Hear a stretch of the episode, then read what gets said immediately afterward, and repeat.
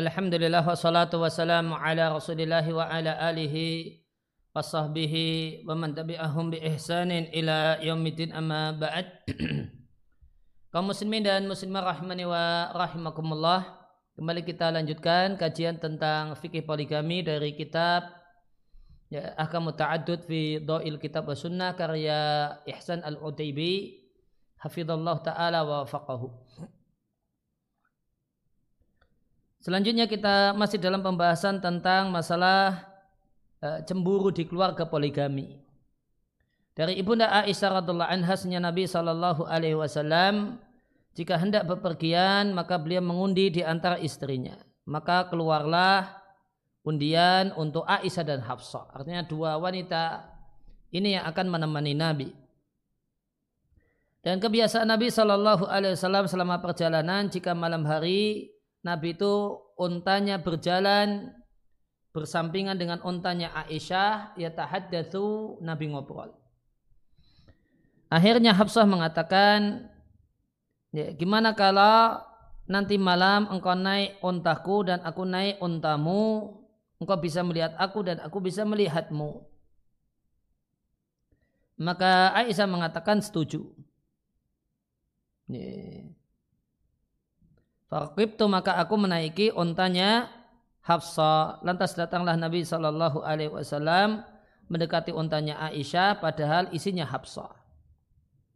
Fasallama Nabi mengucapkan salam kepada Hafsa. Thumma sarak dan Nabi jalan bareng sama Hafsa hatta nazalu sampai mereka Nabi dan rombongan itu istirahat.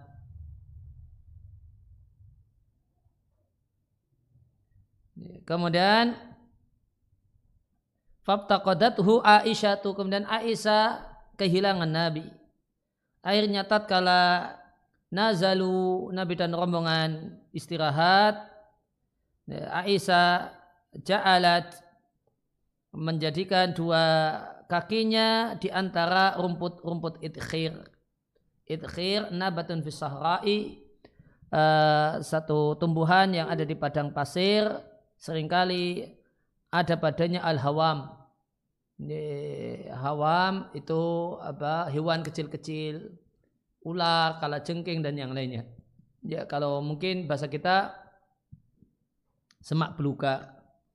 Sambil mengatakan wahai Rabbku salit alaiya akroban. Ya, datangkanlah akroban. Ya, ya, ya, digigit uh, kala jengking salah ta'alaya yang menggigitku atau ular yang menggigitku ya, ular menggigitku.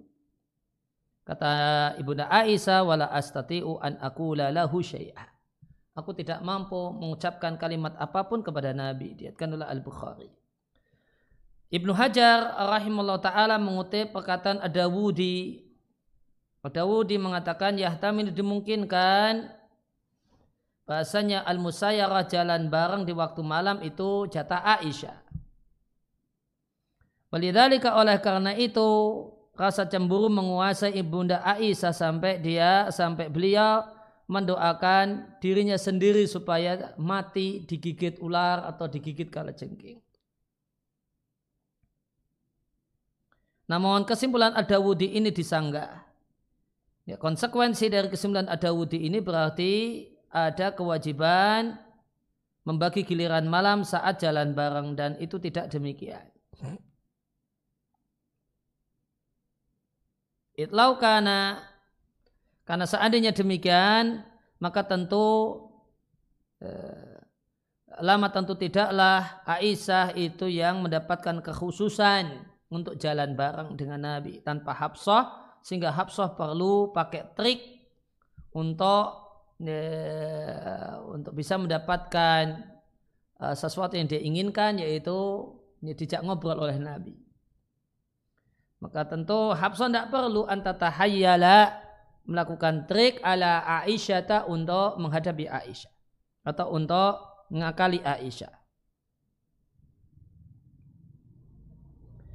Ya, ya, sekian kutipan dari Fatul Bari. Kata Ihsan Utaibi, Al-Muhallab berdalil dengan hadis ini untuk mengatakan bahasanya giliran malam itu tidak wajib atas Nabi Shallallahu Alaihi Wasallam. Ini disanggah oleh Al-Hafidh Ibnu Hajar tidak ada dalil padanya. Karena tolak ukur pembagian malam karena tolak ukur itu malam kalau tidak bepergian sedangkan ketika bepergian fal imadul qasami maka tolak ukur pembagian adalah ketika istirahat adapun saat naik kendaraan falaisat minhu ya, maka kondisi ini bukanlah bagian dari uh, pembagian waktu baik malam ataupun siang. Kemudian poin yang kelima dari ibunda Aisyah radhiallahu anha beliau mengatakan aku tidak pernah cemburu terhadap seorang perempuan ya, karena Rasulullah Shallallahu Alaihi Wasallam sebesar cemburuku kepada Khadijah. Ya, maka di sini kita jumpai pelajaran bahasanya ya, uh, jadi istri kedua itu belum tentu uh, mendapatkan uh, derajat yang unggul di hati seorang suami. Sebagian wanita mengatakan ya kalau saya jadi istri pertama maka nanti cinta suamiku berkurang. Ada lagi uh, istri yang kedua mengatakan ya, kalau saya, saya cuma dapat uh, sisa cintamu gitu. Namun di sini satu sanggahan untuk para istri pertama atau calon istri pertama. Bahasanya tidak mesti uh, kehadiran istri kedua itu menyebab menggeser kedudukan istri pertama di hati suami. Bisa saja ada kehadiran istri Kedua, yang itu punya kelebihan ini dan itu, namun kedudukan uh, istri yang pertama itu tetap kokoh di hati suaminya. Sebagaimana kata Ibunda Aisyah, aku tidak pernah punya rasa cemburu kepada perempuan sebesar cemburu kepada Khadijah. Khadijah istri pertama. Apa gara-garanya likat roti dikir Rasulullah sallallahu alaihi wasallam iyaha karena Rasul Shallallahu Alaihi Wasallam sangat sering nyebut-nyebut Khadijah. Kemarin nyebut Khadijah, sekarang ngomongin Khadijah, besok bahas Khadijah. Bahkan wasana ihi alaiha. Pujiannya luar biasa kepada Khadijah. Ini bikin cemburu. Padahal Aisyah belum pernah melihat Khadijah.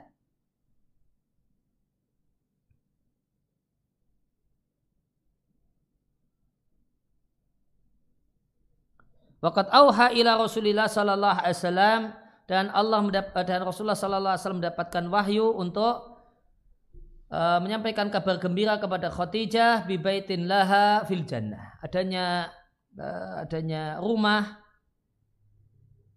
bagi ibunda Khadijah di surga min qasbin dari qasab. Qasab kalau makna aslinya bambu. Yeah. Namun ya sepertinya kurang kurang pas ya kalau demikian.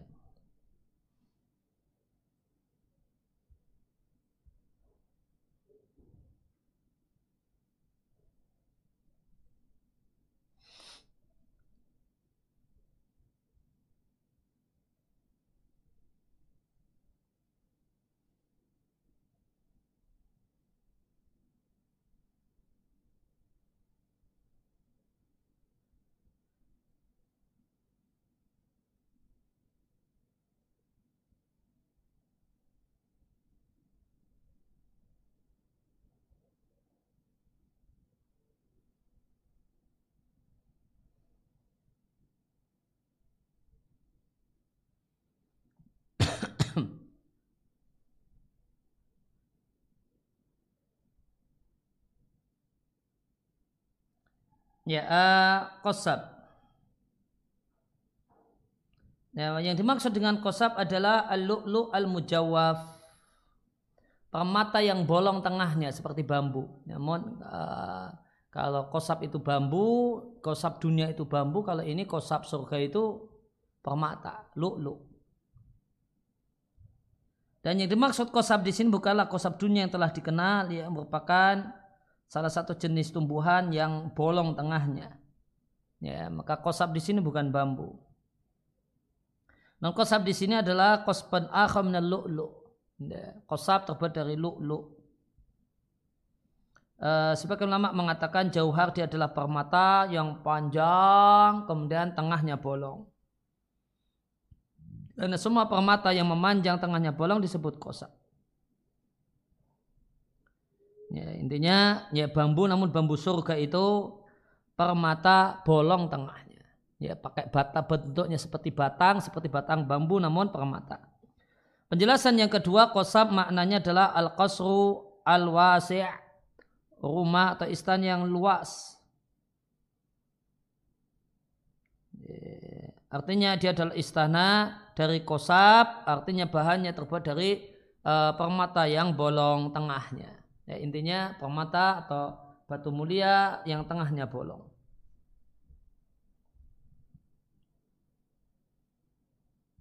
Kemudian disampaikan oleh uh, penulis bahasanya ada seorang uh, seorang bernama Mazin bin Abdul Karim Al-Furaih punya buku judulnya Tahdhibul Ghairati Indal Mar'ati. Pendidikan cemburu bagi wanita. Wa yanafi'atun jiddan fi hadal babi. Dan buku ini bagus sekali dalam uh, tema ini, tema cemburu.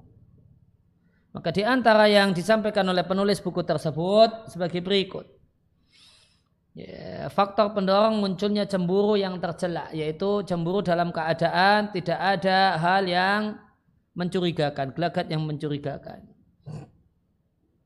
Yang pertama adalah berkurangnya keimanan dan lupa dengan Allah Azza wa Jalla. Yang kedua godaan setan. Yang ketiga penyakit yang menghinggap di hati. Kemudian yang keempat sikap suami yang tidak adil dengan istrinya dan mengurangi hak istrinya dan lebih mengutamakan istri yang lainnya daripada istri tersebut. Maka ini bikin cemburu. Isa din nisa'i kemudian terlalu perasa, terlalu sensitifnya sebagian wanita binaksin ma dengan satu kekurangan. Ada kurang sedikit kemudian sudah uh, sensitif banget. Ini bikin cepat cemburu. Kemudian ya uh, dan cemburu yang tercela Kemudian yang keenam, suami menyebut-nyebut kelebihan ya, istri yang lain, ya, istri A di depan istri B. Contohnya sebagaimana kasus Ibunda Aisyah radhiallahu anha cemburu karena Nabi sering kali menyebutkan Khadijah di hadapannya. Dampak buruk cemburu yang tercela yaitu uh, gara-gara cemburu artinya menggunjing dan mengolok-olok suami. Ya, artinya al-ihjam kemudian mundur untuk berbagi kebaikan dengan yang lain. Kemudian al-idrar menyakiti yang lain uh, dengan merusak eh, barang-barang uh, jadi kebutuh, uh, kebutuhannya atau menghancurkannya. Contohnya kemarin kita baca karena cemburu piring istri yang lain itu dirusak. Kemudian membenci kerabat suami dan mengurangi hak mereka dan menyempitkan mereka. Yang kelima, hasad dan dendam. Yang keenam, tajasus kemudian mencari-cari kesalahan. Wa muraqabatu zauji, mengintai suami dan e, menguntit suami. Kemudian yang ketujuh, adzuhur bil madahiril muzayyafah tampil dengan tampilan yang palsu. Yang kedelapan, rasa sakit kejiwaan dan penyakit badan. Kemudian tua yang segera. Ya, kemudian ikhtial, uh, akal-akalan dan tipu daya. Namun ini ada kritik dari uh, dari Ihsan Ulutaibi bahasanya penulis Tahdibul Ghairati Indal Mar'ati lupa sejumlah hal yang penting yaitu di antara dampak buruk cemburu adalah kekafiran. Itqatakutuha al ghairatu karena cemburu itu bisa menggiring seorang wanita untuk membenci ya, apa yang Allah turunkan min hikami ta'adudi berupa hikmah-hikmah poligami maka terjumus dalam kekafiran Qala ta'ala Allah ta'ala berfirman dalika bi anam karihu ma anzalallahu fa ahbata a'malahu. Hal itu karena mereka membenci apa yang Allah turunkan, Allah hapus amal mereka. Demikian juga karena cemburu menyebabkan seorang istri berkata kepada suami yang ini kalimat kekafiran. Antasniya ahabbu ilayya min antatazawwaja alayya. Kamu selingkuh, kamu zina, lebih aku sukai daripada kamu poligami.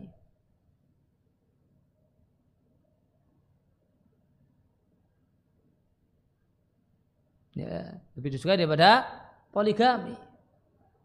Maka ini lebih menyukai kemaksiatan terjadi pada suaminya dibandingkan ya, kebaikan yang terjadi pada suaminya. Sebagaimana perkataan sebagian ya, malah talibatu syariah. Ya, wanita penuntut ilmu dan faham syariat. Fi ihda buldan di sebagian negeri wallahu musta'an. Kemudian eh, sebelas main dukun dan main sihir.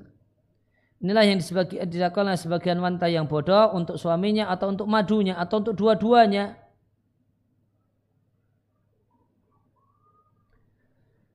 Uh, uh, tujuannya apa? Hatta taswalaha zaujuha.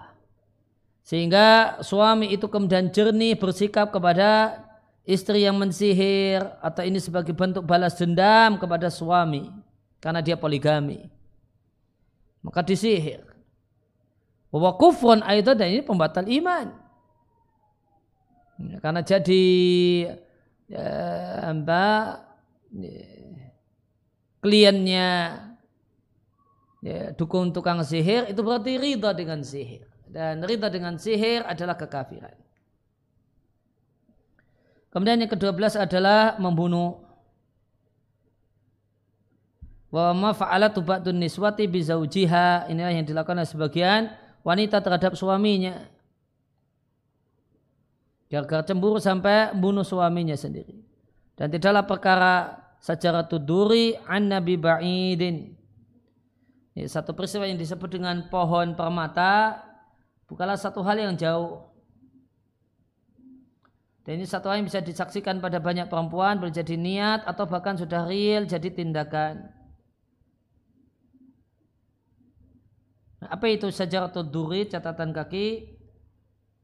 Haisu kotalat di mana uh, atau duri ini mungkin nama ini nama wanita berarti membunuh suaminya Raja Al Muiz Izzuddin uh, Ubaik At-Turkumani yang merupakan raja Turki pertama. Dalika hal tersebut dilakukan lama balagha tatkala sampai padanya berita bahasanya suaminya ingin menikahi anak perempuan penguasa Musil yaitu Badruddin Lu'lu. Kisahnya ada di Bidatun Nihayah di juz yang ke-13.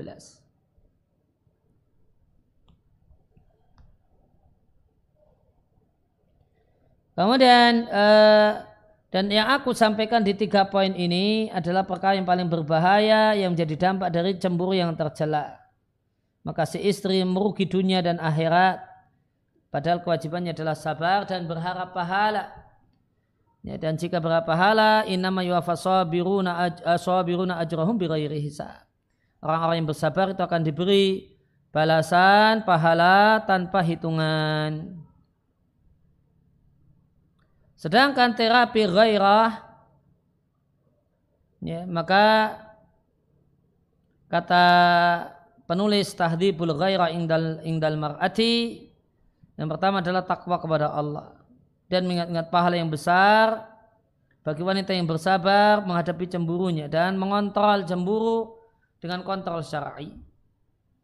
Kemudian menjauhkan diri dari tempat-tempat uh, sum'ah ingin didengar dan ingin dilihat. Posisi-posisi yang didengar dan dilihat. Kemudian mengedepankan baik sangka dan kona'ah. Ya. Karena dengan mengedepankan baik sangka, ya, maka ini akan menghambat tumbuhnya gairah cemburu yang tidak ya, yang, yang yang over dan berlebihan. Dan kona'ah dengan karunia Allah mengingat kematian dan hari akhir. Yang kemudian yang ketujuh doa sebagaimana sabda Nabi Shallallahu Alaihi Wasallam kepada Ummu Salamah ketika Ummu Salamah mengatakan uh, karena hendak uh, menolak lamaran Nabi dia beralasan kalau dia adalah seorang wanita yang besar cemburunya. Maka Nabi Shallallahu Alaihi Wasallam menyampaikan ada Allah ayat haba bil ghairati. Aku berdoa kepada Allah untuk menghilangkan cemburumu. Maka cemburu yang berlebihan, yang over itu bisa dihilangkan dengan doa. Diatkan oleh Muslim. Intah sekian dari buku yang dimaksudkan dan kami nasihatkan, kami sarankan, kami rekomendasikan untuk membaca buku tersebut fa innaha mufidatun karena ini buku yang sangat bagus.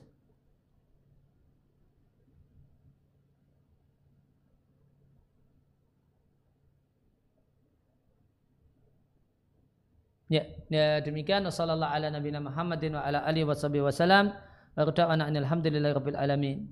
Subhanakallahumma wa bihamdika asyhadu an la ilaha illa anta astaghfiruka wa atubu ilaik.